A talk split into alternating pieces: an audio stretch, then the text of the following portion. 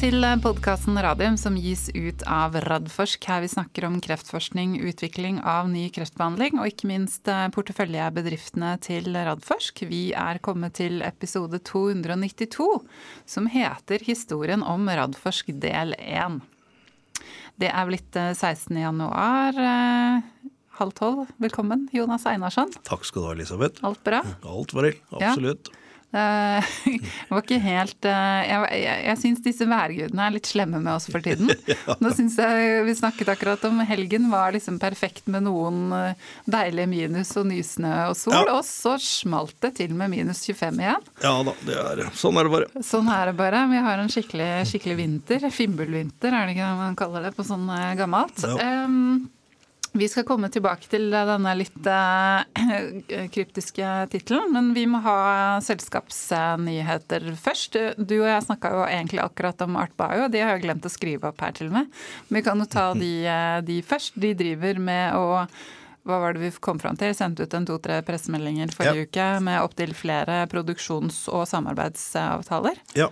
Mm. Nei, det, det, er tydelig at det går veldig raskt uh, fremover. Uh, og det er veldig solide partnere. Og det er ikke noe sånn letter of interest. Dette er reelle utviklingsavtaler. Ja. Uh, de skal jo ha ikke minst eh, trenger de samarbeidspartnere på utviklingen av generatoren. Mm. Eh, og så de, ser de allerede nå på distribusjonssystemene. Med, de har jo sagt at de må ha flere steder og flere steder å produsere. Så det er kjempespennende. Ja, Veldig bra. Og vi jobber med å få eh, CEO Emanuel Ostini inn i, inn i podkasten. Vi satt akkurat og pratet om at det er på høy, høy tid. Ja. Um, og så er det jo da Ultimax. Veldig spennende børsmelding i dag om uh, Inuitium. Uh, slår da fast at uh, dataene vil, altså topplinjedataene vil komme i mars. Yep. Fordi det da i henhold til studieprotokollen er 18 måneder siden siste pasient ble innrullert. Og det var jo det tillegget man fikk inn da. Ja. At man kunne åpne, åpne dataene. Um, ja. Uten at det går utover kvaliteten, for det har jo vært viktig her. Ja, det er et veldig, veldig viktig poeng. Uh, nei, altså det var i går. 15. Eh, januar var Jeg sa slutten av januar i forrige episode, men forsnakket meg på det. Det var i 15. januar. Eh, som den siste pasienten har vært inne i 18 måneder. Mm. Og da har vi med dette tillegget, kan vi da i går åpne databasen og begynne vaskingen av dataer. Og så har da disse som jobber med dette, nå meddelt at de kan eh, klare å få det i løpet av mars.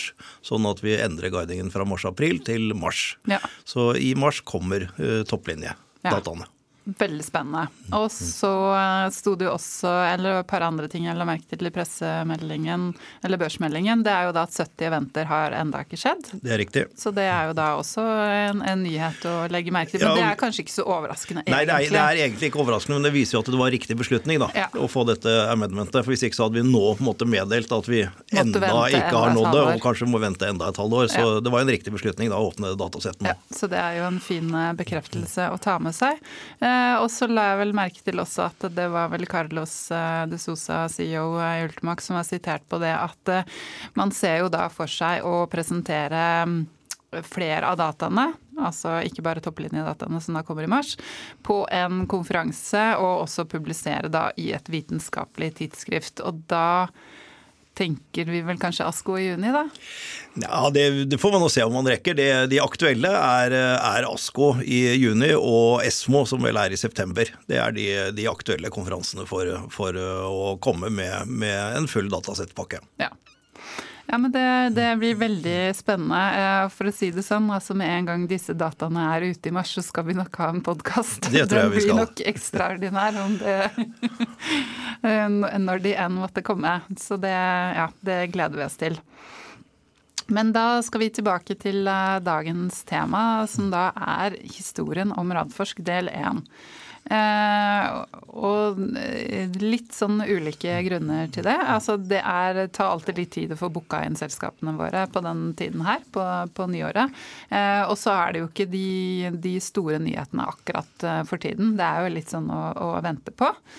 Um, og så en annen ting som vi nå har jobbet med snart i trekvart år, blir det vel. Um, en ny visuell profil og logo og nettside og, for uh, Radforsk.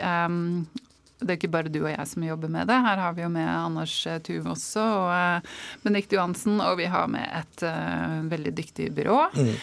Og det er jo egentlig en litt sånn um, tid for å se seg i speilet vil ja. jeg si, og gjøre litt opp status. Hvem er vi? Hvor, hva har vi gjort? Hvor kommer vi fra?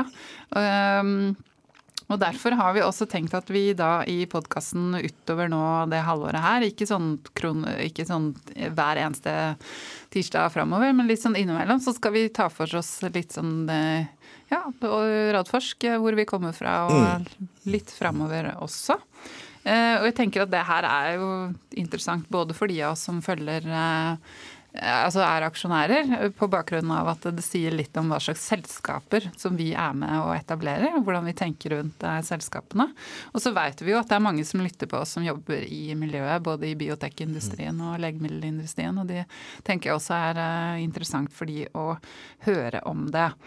Ehm, så vi skal eh, ta en tur helt tilbake til eh, da Madame Curie og ektemannen hennes Pierre oppdaget radium i 1903. Men det er ikke i dag.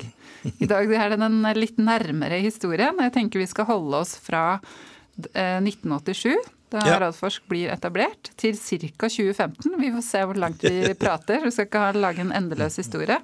Så fortsetter vi neste uke også. Men i hvert fall, da skrur vi eh, klokka tida tilbake, eh, 1987. Eh, og da oppstår noe som heter Radiumhospitalet sin forskningsstiftelse. Kan ikke du si litt, eh, Jonas, om, eh, jo, det kan jeg gjerne. om stiftelsen? Jeg tror det er veldig, veldig ok å gå igjennom, for jeg får en del spørsmål om hva dette rare dyret Radforsk egentlig er for noe. Ja. Og det har vi jo lurt på sjøl òg, og det er jo det vi nå egentlig prøver å finne ut. da og prøve å strukturere oss eh, egentlig ikke på noen ny måte, men være tydeligere på hvilke strukturer og hva, hva vi jobber med. og det, det, kommer vi tilbake til. Mm. Eh, nei, Det som skjedde i 1987, var at uh, Vidar Hansson, som var en lege og forsker, sammen med Jan Vincent Johansen, daværende direktør for Ramsdale, Eh, ville prøve å lage en struktur for å ta vare på eh, kontakten mellom industrien og akademi. Mm. Eh, og på den tiden så var ikke det noe særlig god kontakt. Det var eh, Industrien ble sett på, veldig, på en veldig negativ måte, egentlig. Mm. Til tross for at det er de som alltid da også fremstilte legemidlene. Eh, og dette ønsket eh, Jan Vincent å gjøre noe med. Eh, det var også på den tiden så hadde vi det som het lærerunntaket. Og Det betydde at vitenskapelig ansatte i offentlige institusjoner de eide sine egne oppfinnelser og kunne egentlig gjøre hva de ville med de. Mm. Dette lærerunntaket det eksisterte helt fram til jeg tror det var 2004-ish. Eh, hvor det ble fjernet. Sånn at da tilhørte etter det alle oppfinnelser som ble gjort av ansatte på en offentlig institusjon, tilhører, og tilhører nå også i dag, institusjonen. Jan Vincent han opphevet lærerunntaket på Radiumhospitalet allerede på 80-tallet. Sånn at de som ble ansatt hos han, de måtte skrive under på at hvis de kom med en oppfinnelse, så skulle den gå til institusjonen og ikke til oppfinnerne. Skjønner. Eh, og Det var egentlig starten på dette med denne såkalte tredelingsmodellen, som egentlig var der, men ikke var formalisert. Eh, men han eh, opprettet da dette som en stiftelse. Det er vi den dag i dag. Mm. Det betyr at vi har ingen eiere. Eh, og Radiumhospitalets forskningsstiftelse ble opprettet av Radiumhospitalet og Helse- og sosialdepartementet mm. i fellesskap. Og ble da tilført én million kroner. Eh, som de lærde strides litt om hvor den millionen kom fra. Men den kom fra gjennom Jan Vincent. Om det kom fra sykehuset eller om det kom fra legatene, er jeg litt usikker på. Mm. Litt vanskelig å finne akkurat de rette kildene. Men det ble satt opp med en egenkapital på én million kroner, som jo dog var litt penger på den tiden. Og oppgaven var egentlig veldig enkel. Det var å forhandle kontrakter mellom industrien og akademia. Det være seg oppdragsforskning, kliniske studier eller samarbeidsforskning. Mm. Og når da Ramsdals forskningsstiftelse fremforhandlet en slik avtale, så ble det lagt på en overhead på jeg husker det var 11 eller 14 mm. som var på en måte bread and butter-inntekten for Ramsdals forskningsstiftelse. Som var veldig liten. Eh, det var én eh, ansatt til å begynne med, eh, Alf Bjørseth, som de fleste kjenner til, Thor Medical i dag, men også hele solcelleeventyret. Han var innom som administrerende direktør i Folkestiftelsen. Vidar Hansson var den som drev det helt til å begynne med. Han gikk over i Fotokur mm. og ble administrerende direktør der. Og så skulle man da også prøve å lisensiere ut ideer eh, fra eh, Radiumhospitalet. Det dreide seg i all hovedsak om forskjellige typer antistoffer. De var mm. veldig gode på å utvikle antistoffer på Radiumhospitalet da, som også var en del av hele Ugelstad-kulen og Dynabids-eventyret, med Steinar Funnerud og, og flere eh, som jobbet med det. Eh, og hvis man da klarte å lisensiere ut noe, enten det var en idé, som nesten alltid skjedde, eh, eller denne type antistoffer som vi fortsatt sitter igjen med gamle avtaler som vi, mm. som vi kjører den dag i dag, så ble det laget en tredelingsmodell hvor da en tredjedel av inntektene gikk til de som var definert som oppfinnere. En tredjedel gikk til miljøet oppfinnelsen kom fra og en tredjedel ble beholdt av Ramsdals forskningsstiftelse som en inntekt. Ja. Så på den måten klarte man å bygge seg opp eh, med en to-tre ansatte, en brukbar liten butikk som tikket og gikk, og delte, begynte å dele ut litt av overskudd til eh, allerede på 90-tallet tilbake til, eh, til, forskerne. Mm. Og sånn var dette uh, egentlig når uh, jeg kom hit mm. i uh, januar 2000, mm. 24 år siden. da skulle jeg ha et seks måneders vikariat, for det var en venn av meg som drev denne lille stiftelsen. Han fikk en jobb i diplomatiet i Eksportrådet i USA og dro over dit, og jeg overtok etter han som, som direktør. Eh, og drev dette egentlig som eh, stiftelsen hadde vært. Eh, forskjellen var at i mai 2000 så børsnoterte vi Fotokur. Så mm. den kom inn akkurat idet jeg kom inn her. Og da gjorde vi et nedsalg i forbindelse med selve børsnoteringen. Og fikk da på en måte en sånn litt sånn startkapital. Da, da fikk vi en kapital, selv om vi Eh, måtte selge oss relativt mye ned ganske tidlig, fordi at det da ble et oppgjør som eh, ble en enighet med forskerne bak dette her. Eh, de fikk til sammen 60 millioner kroner utbetalt, som var veldig store penger på den tiden. Så det var jo veldig gøy. Mm. Og vi satte av en pott på 40 millioner kroner til videre forskning innenfor det feltet, altså det som heter PDT og PCI. Så PCI Biotech spant ut fra fra dette miljøet også mm. i sin tid. Uh, og så ble det jo en sammenslåing mellom Radiumhospitalet og Rikshospitalet uh, den gangen. Og da satt vi med to sånne teknologioverføringskontorer, eller TTO-er, som er det som blir brukt. Tech mm. Transfer Office. Mm. Medinova på Rikshospitalet og da eh, Ramsdals forskningsstiftelse her hos oss. Eh, daværende direktør Åge Danielsen eh, ville gjerne at vi skulle slå disse sammen, og det så vi på. Eh, men Medinova var et heleid datterselskap av Rikshospitalet, mens Ramsdals forskningsstiftelse var en stiftelse. Mm. Og det lot seg praktisk ikke gjennomføre.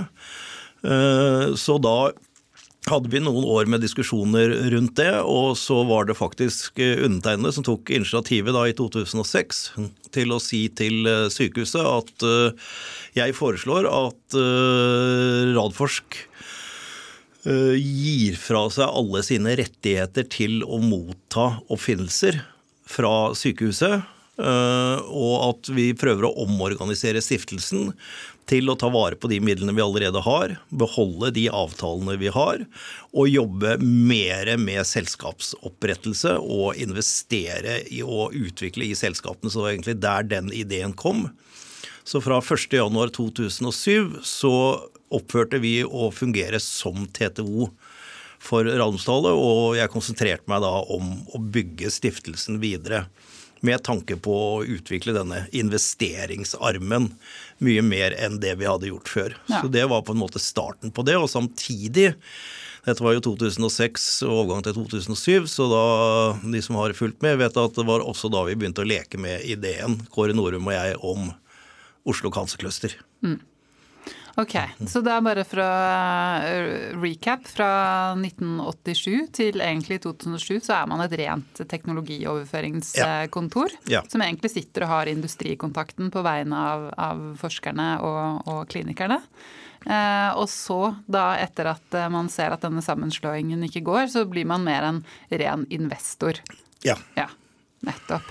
Så Det var liksom tanken at det skulle være en investeringsstiftelse, selv om det Vi heter jo i dag Radforsk investeringsstiftelse, mm. Eh, men det er et relativt nytt, nytt navn. Ja. Eh, men det har på en måte bare blitt sånn. Mm. Eh, Radforsk-navnet kom egentlig av at det første halve året jeg var der, så kom det noe som het internettet, og man skulle ha den type Ja, altså, vi er så gamle, selv jeg er så gammel som det. Jeg flirer, for jeg husker det enda første gang jeg fikk min egen mail og begynte å se på dette internettet. For å si det sånn, det var ikke som i dag. Nei, eh, men da fikk jeg oppdrag av Hans Petter Bugge, som han heter, min gode venn, som da var eh, leder da, om å komme opp med noe fornuftig, fordi at vi kunne ikke ha Radiumhostalets forskningsstiftelse.no.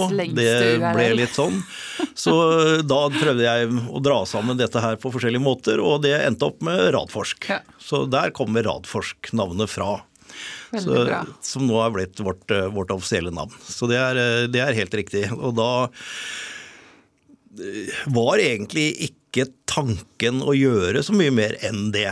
Enn å lage en, og prøve å bygge en investeringsstiftelse og prøve å bygge opp en, en portefølje. Mm. Det begynte jo å komme noen selskaper allerede på den tiden. Vi hadde Gamebox, forløperen til Ultimax. Uh, og vi hadde noe som het Biomolix og noen andre. Sånn, mm. Og PCI kom ganske tidlig inn uh, også. Uh, men så ble jeg så fascinert av det miljøet her. Mm.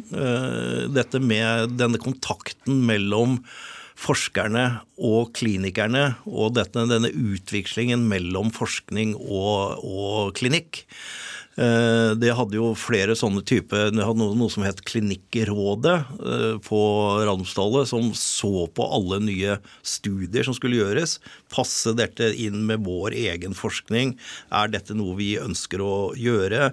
Sammen med alle typer samarbeidsavtaler. Eh, og så tenkte jeg at dette, dette har jeg lyst til å gjøre noe mer med. Mm. Men det var egentlig et slags kontakt også mellom da industri, våre første bedrifter, eh, forskningen, grunnforskningen og klinikken. Men det var ikke et satt i system på noen måte. Og det var liksom sånn kongstanken at går det an å gjøre noe for å bygge et økosystem på dette her? Ta vare på innovasjonene. Mm. Jeg så jo det sprudla med gode ideer veldig spennende, noen veldig farfetch. Noen mente til og med at immunterapi kunne brukes i kreftbehandling. ikke sant? Det var jo helt, helt talentløst. Men, men, jeg trodde jo på disse forskerne ja. som, som, ville gjøre dette her.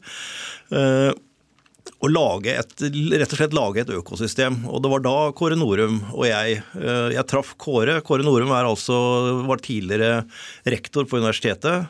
Veldig kjent ernæringsprofessor, TV-personlighet.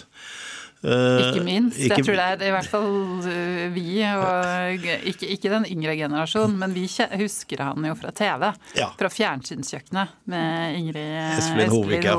ja. Nei, det er, det er, helt riktig. Mm. Han var i ferd med å gå over i pensjonistenes alder, og jeg traff han tilfeldig fordi jeg ble invitert til et møte i Oslo kommune Eh, hvor man da skulle se på muligheten egentlig å lage et Oslo Science City. Det var mm. liksom, det var liksom litt sånn tanken den gangen. Eh, Kåre og jeg havna tilfeldigvis ved siden av hverandre i det møtet. Eh, og Vi satt og kikka på hverandre, og så sier en i det møtet at ja, det er viktig å tenke høyt og kaste fram ideer og sånn. Og Da klarte jeg å lire av meg et DumDum-sitat. Man trenger ingen høye tanker for å tenke høyt. Og det syns Kåre var veldig morsomt. Så vi ble gående og prate på veien ut. Og så sier jeg til Kåre at ja, ja, vi må liksom lage noe her. Det, det, må kunne gå an. Se på det miljøet jeg nå har blitt kjent med i en, en del år oppe på Randomsdalet. og han tente veldig på den ideen. Og Det var da på en måte tanken om Oslo Cancer Cluster, selv om vi ikke ante at det skulle lages. Men det å samle miljøene. Så vi gikk og tråla langs ringveien her og kikka på gamle Smestad brannstasjon, der hvor Selvåg-bygget ligger nå. Eh, og mulighetene for å gjøre noe. Mm. Men, men, men hva, hvorfor gikk dere altså, for det? Var det mer å finne bygning som kunne huse innovasjonsparken? da? Ja, det var ja, tanken, bak, ja, tanken bak å samle dette. Vi nå, nå, nå hadde vi jo disse selskapene våre litt her og litt der i Nordveien og litt rundt omkring og sånn. Uh, og så var tanken at er det mulig å samle dette også fysisk? Mm. Eh, og da var jeg faktisk på en av disse store legemiddelkonferansene, jeg tror faktisk det var ASKO, eh, i USA. Og da ringer Kåre meg der og så sier at eh, barnebarnet mitt går på Ullern videregående skole. Mm. Der er de kommet langt nå med planer om å utvide skolen. Det er egentlig nærmest godkjente reguleringsplaner for å utvide den. Men jeg er jo en skolemann, som Kåre sa. Eh, kunne vi tenke oss at det kunne være mulig at vi kunne benytte oss av den anledningen og bruke den tomten, men da ta vare på Ullern videregående skole og virkelig gjøre den til en god skole? Den var i ferd med å snu, Nettopp. eller hadde snudd, til en bra skole fra en totalt håpløs skole. Mm. Uh, og da ble den ideen unnfanget. Og da starta vi jobben med først å få lærerne eh, og rektor på Ullern videregående skole interessert i ideen vår. Mm. Pål Riis het rektor som var den gangen. Han tente på ideen umiddelbart.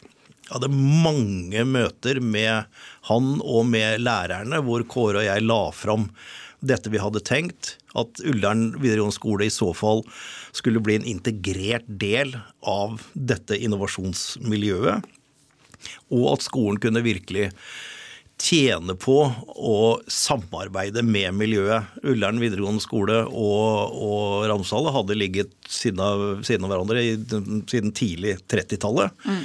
uten at det hadde vært noe kontakt imellom. Eh, det var en ganske stor jobb å få liksom solgt inn den ideen. Eh, men Kåre var veldig visjonær og kunne skolen, kunne dette språket. Mm. Og fikk det veldig godt til. Og neste var jo å få Utdanningsetaten i Oslo mm. til også å kjøpe ideen om å integrere dette på den måten her. Det var ganske fremmed. I tillegg så ville det bli sett på som et offentlig-privat samarbeid. Eh, som i dag er et fyndord, men var et fyord på den tiden. Spesielt i Arbeiderpartiet, mm. som vi sleit veldig med. Men vi klarte etter hvert å overbevise også eh, UDE om at dette var en god idé, og var en fantastisk eh, støttespiller og samarbeidspartner. Neste hinder var jo at denne tomten var eiet av Undervisningsbygg, som er en, eh, en del av Oslo kommune. Og vi måtte komme fram til en enighet om det. For som jeg sa, skolen den skal reguleres inn i denne parken hvis vi får det til. Og her skal skolen og skolefolka sitte absolutt i førersetet med utforming av klasserom, flerbrukshall, alt dette som skal til. Men selve reguleringen av hele tomten, den må vi ha kontroll på. Mm. Uh, og da gikk, Det gikk egentlig veldig greit. Vi fikk uh, inngått en leasingavtale, en byksling, av tomten som vi har nå i lang, lang, lang tid fremover. Og fikk startet da et reguleringsarbeid som da ble til at parken, da etter at Ullern videregående skole måtte jo da flytte ned i Vika Uh, i noen gamle Kort, lokaler. Kort Adlersgate. Kort Adlersgate mm -hmm. uh, hvor jeg lovte Tidligere Ingeniørhøgskolen eller noe sånt? Ingeniørhøgskolen, det er helt riktig. Mm -hmm. Hvor jeg lova at de skulle være der i to år mens vi bygde parken. Det ble fire, så jeg var ikke alltid like populær på det. Men uh, vi, vi fikk det nå til til slutt. og fikk da åpna parken i, i august 2015. Mm. Tidligere statsminister Erna Solberg som åpnet. Ja. Jeg husker den dagen veldig godt. Det var en, det var en stor dag, det, det må jeg innrømme. Det var en stor Absolutt. dag. Og da fikk vi altså inn eh, Kreftregisteret, mm. som var kjempeviktig. Kreftregisteret holdt jo til nede på Majorstua. Mm. Eh, jeg mente at de ville ha veldig godt av å komme inn i miljøet her og være en del av Campus Ramsdal, selv om selv det og det uttrykket også ja, aldri ble noe før veldig mange år etter, når vi så hva dette ble til. Skulle komme hjem igjen, for de hadde jo vært her eh, tidligere. ikke sant? Det var, det var her de kom fra. ikke ja. sant? De, de, kom jo, Det ble jo åpnet her, eh, Kreftregisteret i år 53 eller 52. 51-52. 51-52, Ja, riktig. Eh, det var også en ganske utfordrende oppgave da, å få flere hundre mennesker som var vant til å ta T-banen til, og alle baner til Majorstua og rusle bort på jobben, til å flytte opp hit. Mm. Men vi klarte å overbevise dem også om at dette var en vinn-vinn-situasjon, og det det har det vel vært. Mm. Nå er jo akkurat i fjor så ble det jo bestemt av, eller i 23 bestemt at, eh, at Kreftregisteret ikke skulle ligge inn under OS lenger, men flyttes over til Folkehelseinstituttet. Eh, og det kan man mene hva man vil om, det kan, kan sikkert bli bra. Men da var det sånn da var den store redselen at man også skulle flytte fysisk Kreftregisteret mm. ut herfra. Eh, så det er tydelig at dette har vært vellykka med, i og med den unisone tilbakemeldingen at de ville være her, og, og skal være her. Mm. Eh, og så kom, fikk vi også da inn eh, avhjelp eh, Ramsdale med at de ikke hadde plass til sin patologiavdeling i det gamle sykehuset. Sånn at eh, den ene av disse tre lamellene som Innovasjonsparken består av i dag, er eh, leid ut til patologidelen til, til Radiumhospitalet. Mm. Og det er jo flere funksjoner fra Oslo universitetssykehus som sitter der. Institutt for kreftgenetikk ja. og informatikk. Sykehusapoteket, ikke minst. Produksjonsavdeling ligger i toppetasjen. Som produserer eh, cellegift ja. som da transporteres over til eh, sykehuset. Ja. Så um, også kanskje, og så må vi da snakke om den siste lamellen, da. Der hvor du og jeg eh, har kontorer. Med Oslo Cancer Cluster inkubator. Som på en måte er enda en funksjon her? Ja, da, en egen funksjon? Det er en egen funksjon. Vi opprettet et eget uh, selskap som heter Oslo Cancer Inkubator AS. Som er uh, eid, majoritetseid av foreningen Oslo Cancer. Mm. Uh, og Siva, som har vært fantastisk samarbeidspartner for hele Innovasjonsparken, er den dag i dag største eier i Oslo Cancer Innovasjonspark AS. Mm. Eh, og medeier i inkubatoren, sammen med da Oslo Kanskløster Invento og Radforsk. Eh, og Det er et selskap som er satt opp bare for å legge til rette for at forskere, gründere, nystarta selskaper skal få et, et, sted å være og et sted å ha en infrastruktur og et økosystem hvor de kan få den hjelpen de trenger. Mm. Og jeg tror Et av de første selskapene som flytta inn eh, da, i 2015, sommeren da, det var Ultimox. Ja. Faktisk. og vi delte jo etasje med de. Ja, det er helt riktig. Og ja. de, de, er her en dag i dag. De er her en dag i dag. Men du, eh, vi må også snakke litt om, eh, om Oslo Cancer Cluster. Ja. Fordi én ting var jo det miljøet du så her på Radiumhospitalet. Men da altså Oslo Cancer Cluster etter hvert ble, ble, etablert, og i hvert fall jeg begynte å jobbe litt med dere, og da skal vi tilbake til sånn 2008, tror jeg, da jeg første gang eh, møtte folk fra Oslo Cancer Cluster når jeg bodde i London på den tiden ja. og jobbet med Innovasjon Norge. Det var sånn jeg kom inn. Så, så var jo dette en, en nasjonal klynge. Eh, og det var diskusjoner rundt Oslo-navnet. For det er mange som mente at det skulle hete Norwegian Cancer Cluster. Ja. Så, så, ta oss litt tilbake til, eh, ja, da er vi tilbake. til det også. For det, det er, også er jo en viktig del av absolutt. Måte, ja, da, det, er, det, det vi har bygd opp her. Kjempeviktig. Da er vi tilbake til 2005, eh, hvor Eh, jeg får en henvendelse fra Kjetil Hessdal, daværende administrerende direktør i Fotokur. Ja. Eh, som sier at han har fått kontakt med en Eriksen bort på Sintef. Eh, som hadde hørt om at jeg drev og jobbet med disse tingene. Og at det da ble lansert et nytt program i Norge som heter Norwegian Center of Excellence. Som skulle være spesialiserte klynger som skulle da komme inn i et sånt klyngeprogram. Man hadde da et sånt forprogram, så hadde man noe som het arenaprogram. Og hvis man hadde arena, så kunne man søke seg opp til dette toppsjiktet som var Norwegian Center of Excellence. Eh, og de lurte på om eh, jeg ville være med å diskutere denne ideen. Jeg dro med meg Kåre Norum, mm. og vi hadde noen møter der. Og så fant vi ut at ja, dette er jo en, egentlig en veldig god idé, for vi, vi har jo egentlig denne klyngen, mm. selv om den er virtuell mm. og ikke formalisert på noen måte, så, så er jo alt det, det jeg hadde brukt fem-seks år på å bygge opp dette nettverket, som jo da var akkurat det nettverket som skulle være en sånn innovativ klynge. Uh, og så tenkte vi at vi måtte liksom favne relativt bredt, trodde vi. Ja, sånn at uh, den første søknaden vi sendte inn, så vi snekra sammen, Kåre og jeg og Eriksen fra, fra Sintef, uh, en, en søknad til et sånn Norwegian Center of Excellence, selv om vi ikke hadde var etablert fra før, ikke hadde vi arenaprogram, ikke noe av dette her, og kalte det for Oslo Life Science-klyngen. det fikk vi ikke. Men, ja, for vi, den var for bred, var det ikke det som var tilbakemeldingen? Vi, vi fikk en tilbakemelding, ble innkalt til et møte med disse virkemiddelkameratene, som jeg kaller de, ja. med, med, Siva Innovasjon Norge, Innovasjon Norge og Forskningsrådet. Uh, hvor de sa at dette syntes de var utrolig spennende, det vi hadde kommet opp med. Uh, men det var ikke modent nok til å få en sånn eh, status. Det førte jo med seg jeg tror det var 10 millioner i året. Ja, det var mye Fem penger. eller ti millioner i året. Ja. Eh, i en eh, relativt lang periode. Eh, og så sier de at men dere kaller det for Oslo Life Science, men det er jo ingen tvil om så hadde de jo så på meg at her brenner du for onkologien. Mm. Og det er liksom det som er det viktigste her. Og så det er, det er helt riktig. Så vi satte oss ned, Kåre og jeg, og da dukket navnet Oslo Cancer Cluster opp. Eh, det var, alt var jo galt. Det het Oslo, og det hadde et engelsk navn. Det var før Språkrådet kom på banen, tror jeg. For vi, vi, slapp, vi slapp, den runda der.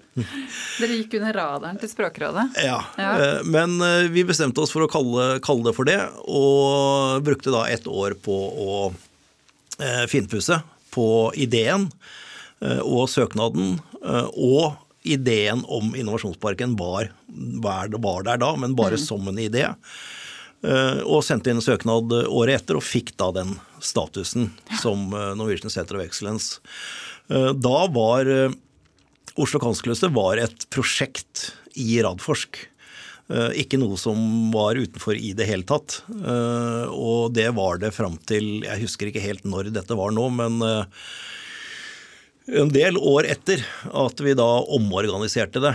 Ja, jeg prøver å tenke. Det var ganske lenge det var ja, Vi, vi snakker 2012-2013 ja, kanskje, eller? Vi, vi stiftet det som en medlemsforening. Ja. Så den foreningen sto, men hele administrasjonen og driften av den var som et prosjekt. Og de ansatte var ansatt hos oss i Radforsk, fordi det var vanskelig å rekruttere folk til en idé. Så vi måtte ansette de i, i Radforsk. Greit nok at vi er ganske sånn Eh, visjonære og ønsker å bidra til et felles gode, men ja, greit å ha et sted å det, det, var det. Og så var det faktisk en lovendring som gjorde noe med disse medlemsforeningene. Ja, som gjorde at vi måtte ta et grep. Og da valgte vi å omorganisere det til et SA. Mm. Og når folk lurer på hva det er, så sier jeg at det er som Coop. Mm, det, er det, er, det er et samvirkelag. Mm. Uh, mens vi laget da helt spesielle vedtekter som sa at det var aldri lov å ta så det skulle ikke betales ut utbytte til medlemmene som man gjør i Coop, mm. men eh, de skal bare brukes til å bygge opp en egenkapital og til å drifte foreningen videre. Mm. Uh, tror det var 16 eller noe sånt noen medlemmer jeg klarte å mer eller mindre true med på til å skrive under på at de ville være medlemmer når vi sendte inn den, den første søknaden. Uh, og nå de siste årene så har medlemstallet ligget relativt konstant, konstant på pluss minus 100 medlemmer. Ja. Eh, og Oslo Kampskløster har jo virkelig satt sitt merke, og er jo de som på en måte drifter hele miljøet som sådan. Eh, og så jobber vi med å bygge økosystemet videre. Mm. Ja, De har jo masse spennende og viktige prosjekter, sånn som Connect-prosjektet ligger jo under eh, ikke, Oslo Kanskløster. Mye av internasjonaliseringsbiten det å være på internasjonale konferanser. Jeg husker jo vi var mye på Bio. Ja. Organiserte det i sin tid.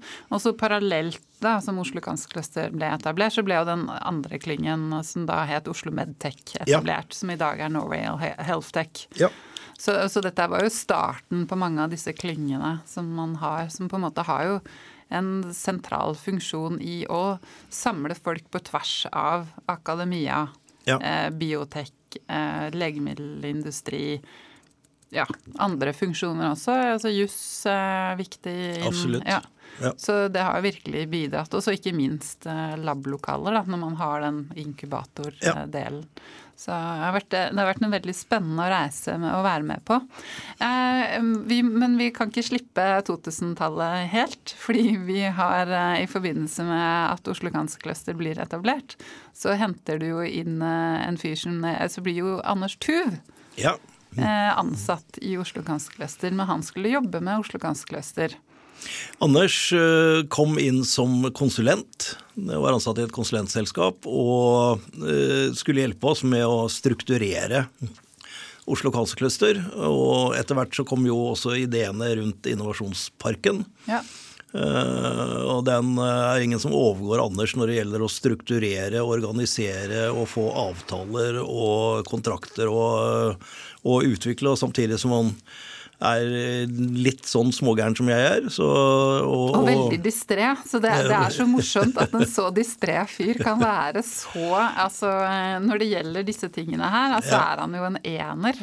Altså Jeg var helt avhengig av den hjelpen jeg fikk av Anders med mm. å bygge dette opp. og når han ikke bare truet, men uh, fikk seg jobb i et uh, Han sluttet jo. Han sluttet og fikk seg jobb i et annet konsulentselskap. Da skjønte jeg at uh, dette er ikke en mulighet jeg kan la gå fra meg.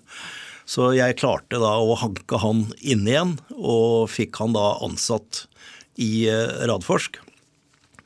Eh, For å og, jobbe mer med investeringsbiten og selskapene. Ja og, ja, og, ikke minst med alt dette også med å bygge parken mm. og alt dette som skulle til. Men også da å strukturere selskaper. Virkelig bli en selskaps... At, Radforsk også skulle bli en selskapsutvikler. Uh, der har han en kompetanse som ligger langt, langt over det jeg har. Uh, og dette har jo han, jobbet han seg veldig raskt inn i. Og det er jo Anders i dag som er ansvarlig for alt det som har med investeringssiden eh, hos oss å gjøre. Jeg har fortsatt et par eh, styreverv igjen, men eh, vi får se hvor lenge det varer. Og så skal jeg gå all in for å jobbe videre med den innovasjonsdelen med økosystembygging, og Anders skal bygge videre på det vi etter hvert vil kalle for Radforsk Invest. Mm. Ja, for det er jo disse to armene som du nå beskriver, er jo disse to armene som på en måte Radforsk har, ja, egentlig da jobbet med da, nesten siden, eh, siden du kom inn, ja. og siden man på en måte opphørte å være en TTO. Det er jo så denne investeringsbiten som da etter hvert Anders kom, kom, inn, og som på en måte nå er ansvarlig for. Ja. Og så er det det vi har kalt, valgt å kalle Radforsk eh, Innovation. Mm.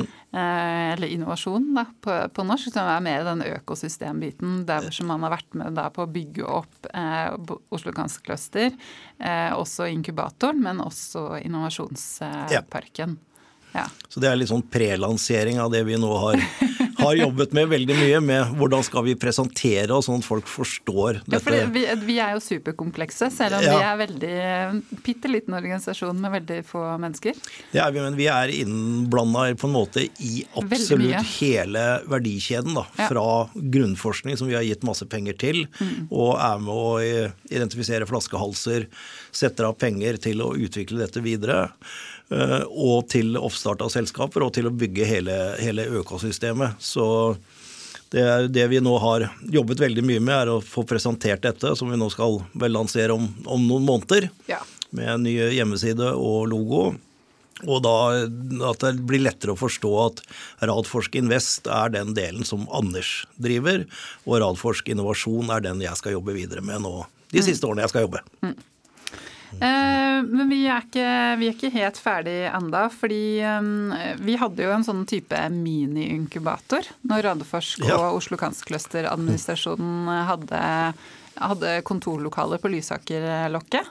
Eh, for der Jeg vet ikke helt åssen det kom til, men vi hadde litt ekstra plass, rett og slett. Ja. Eh, og så var det jo på den tiden rundt eh, det er vel 2009, 2010, 2011, mm. så er det veldig mange selskap som blir etablert. Ja. Eh, PCI Biotech, men det var kanskje enda tidligere. ja, 2006, tror jeg. Ja. Torgovax, Ultimax, ja. Nordic Nanovektor. Eh, Targovax satt vel sammen med oss i en årrekke? Ja da, det ja. gjorde de. Vi kan da hm, skru klokka litt tilbake der òg. Ja, ja. Når jeg kom hit for 24 år siden, da kom jeg til eh, det gamle søsterhjemmet på Radiumhospitalet. Mm. Som eh, lå der hvor strålingsbygget ligger i dag. Ja. Altså helt bak. Ja. ja det ser det, du ikke fra veien, for å si nei. det sånn. Og det var et søsterhjem. altså Det var eh, bygget eh, med hybler, sånn at uh, hjelpepleiere og sykepleiere som jobbet for Ramstallet de, Det var bare søstre? Det var bare søstre, så det het ikke Broderhjemmet, det het Søsterhjemmet. Det er helt riktig. Så legehjemmet hadde het Broderhjemmet? Ja. Så det ble jo da etter hvert fraflytta, for disse sykepleierne gjerne ville stifte familie og bo et annet sted enn på en hybel. Eh, og da var det fire sånne hybler som man hadde slått ut veggen imellom og satt inn dører. Og det var Ramsdales forskningsstiftelse sine kontorer. Mm. Så ble vi kastet ut derfra. Eh, da fikk vi lov til å leie en av et av husene i Noreveien 7, mm. som Jan Vincent hadde kjøpt opp. Som han kjøpte opp hele Vestenghaugen i sin tid. Det kommer vi tilbake til en senere anledning. Så da bodde vi noen år da der, i, eh, i Nordveien 7. Eh, så skulle det rives, for da begynte de å skulle jobbe med, med å bygge Institutt for kreftforskning, det nye. Mm. Eh, og da fikk vi leid lokaler eh, bort på Smestaddammen, for der hadde AstraZeneca eh, et, et stort bygg ved siden av Hegnar Media. Hvor vi fikk leie noen få kontorer borti et hjørne der. Og så ble da AstraZeneca slått sammen, sånn at de ikke skulle ha et eget norsk kontor lenger. Så der forsvant det. Mm. Eh, og da fikk vi leid oss lokaler på Lysakerlokket, det er helt riktig. Og de var større enn det vi hadde bruk for. Mm. Og derfor, så, når vi etter hvert som vi da stifta noen nye selskaper, så fikk de eh, bo der, og det ble jeg. Egentlig så skjønte vi at dette fungerer jo veldig bra, å ha ja, sels selskapene sammen med oss. Men vi savna selvfølgelig da å ha kontakten med Ramsdale, som da ble, mm. selv om det ikke er langt fra Lysakerlokket til Radiumhospitalet så er det den berømte dørstokkmila. Den, den, er ikke mange meterne lang når det gjelder å få disse systemene til å fungere. Så der, der bodde vi fram til vi da flytta inn i Innovasjonsparken i, i 2015. Mm. Så vi fikk jo testa, testa ut det der. Og det var jo Ja. Det er jo et eller annet med den effektiviteten og informasjonsdelingen, da. Og det er jo det vi ser også. Altså jeg tror det første som ble bestemt, var vel at i inkubatoren her så skulle vi ha en kaffemaskin i hver etasje. Ja. For det er et samlingspunkt. Det er et sted hvor du på en måte sånn Hei, åssen går det? Og forresten, jeg jobber med noe veldig spennende, og har du hørt at Altså det, det var jo en stor del av tankegangen til deg og Kåre. Ja, det var det absolutt. Og den første kaffemaskinen som ble installert i inkubatoren, den betalte Radforsk for. Mm. Og det har jeg alltid sagt, det er den beste investeringen Radforsk Radforsk noensinne har gjort. For den, der møtes folk ennå, selv om maskinen er bytta ut etter hvert. Så, så, møtes folk der. Ja. Jeg, jeg må bare En bitte liten anekdote fra vi satt på Lysakerlokket. For da husker jeg fikk en telefon fra deg, tror jeg. Eh, om at eh, jeg ikke kunne lage en pressemelding om Ultimovax. Og den pressemeldinga tror jeg også ble starten på den første nettsiden til Ultimovax. Nettopp. og det var vel sånn 2010-2011-ish. Ja, var det 2011 vi stifta, var det ikke det? Jeg tror ja. det. Så det var, eh, ja, det var liksom mange sånne øyeblikk som når man ser tilbake, og så nå på en måte sitter vi nå og venter på disse Newtune-dataene og bare sånn er det det store gjennombruddet for eh, kreftvaksiner. Så det har vært en spennende reise å vært med på. Og den er jo på langt nær eh, over. Bare må se litt i notatene mine, for nå har vi vært gjennom mye historie på på kort tid. Men jeg tror kanskje dette er et naturlig sted å, å avslutte. Mm. Så for nå er vi da 2015. Eh, og Erna Solberg har eh, vært og åpnet. Eh, så er det mye spennende som skal skje framover nå også. tenker Helt til slutt så må vi bare reklamere for Cancer Crosslinks 2024. Ja. som kommer da 25.1. Det er, også, er jo et av de prosjektene til uh, Oslo Cancer Cluster. Absolutt. Det var vel et av de første prosjektene man begynte å, begynte å jobbe med, tror jeg? Ja, det, det var det en, en, liten, liten lokal konferanse her for de klinikerne og forskerne som jobbet her i dette miljøet. Mm. Uh, og det har nå blitt en av Nordens viktigste, vil jeg si, konferanser om hva skjer fremover når det gjelder eh, kreftbehandling og kreftforskning. Eh, og har vært utrolig mye store navn som har Ja, for det var vært, vel litt sånn kongstanken, at istedenfor ja. at uh, nordmennene skulle reise til utlandet for å få med seg siste nytt, så skulle man prøve å få noen av de fremste klinikerne og forskerne til, til Norge. Ja. Og også på en måte sette opp en del møter sånn ved siden av konferansen. Og ja. det har man jo i aller høyeste grad lykkes med. Så, så google Counter Crossing, så ser dere årets program, som er veldig spennende. Og så tenker jeg at neste episode så kan vi da ta opp tråden fra 2015, og så skal vi snakke oss framover til 2028. Det skal vi absolutt. så får man ta en liten tur inn i tidsmaskinen, både tilbake og framover. Så sier vi takk for i dag. Og så er det veldig hyggelig å få noen tilbakemeldinger på om dette her var interessant eller ikke, eller om dere har noen spørsmål enten til det vi har snakka om nå eller framover, eller andre ting. Jeg kan avslutte ja. med en ting, for det har fått spørsmål om. For jeg sa i vår forrige podkast at dersom uh, Initium-dataene blir positive som vi håper på, og jeg så Geir Hiller Hoem uh, til og med tror på det, i sin eh, oppdatering i dag. Ja. At det blir positivt. Vi håper, og det gjør vi. Vi må så, vente og se de først. Vi må vente og se de. Men da sa jeg at det kan bli vårt neste Jervøy-øyeblikk. Ja. Så jeg har fått spørsmål om hva, det, hva jeg, hva jeg mener med det. Det er, det er høyst sentralt for, for, vår historie. Ja, Nei, og det jeg, det jeg mener med det, er eh, at i 2011 når Jervoy, som også er Iplemob, ja. den aller første checkpoint-inhibitoren, CTLA4, ble godkjent med veldig gode resultater. Mm. Det var et sånn Eureka-øyeblikk. Det var da vi skjønte at ja, men immunterapi er faktisk det som er kommet for å bli. Så det var et kvantesprang fremover. Så med veldig gode hvis de kommer, data fra Initium, så vil det kunne bli et nytt Jerv-øyeblikk. Så var det jeg mente med det. Ja, for det var vel der man fikk presentert den lange halen med disse ja. overleverne, ikke sant? Første gangen vi ja. så immunterapi, overlevelseshalen, effekten. effekten. At det ikke ja. nødvendigvis gikk så bra de første seks månedene, men så etter seks måneder så fikk du plutselig denne halen. Det er riktig. Ja. Nei, men det var bra. Det er eh, Ja. Jervøy-øyeblikket i 2011 var uh, veldig viktig. Supert. Takk for i dag. Takk for i dag.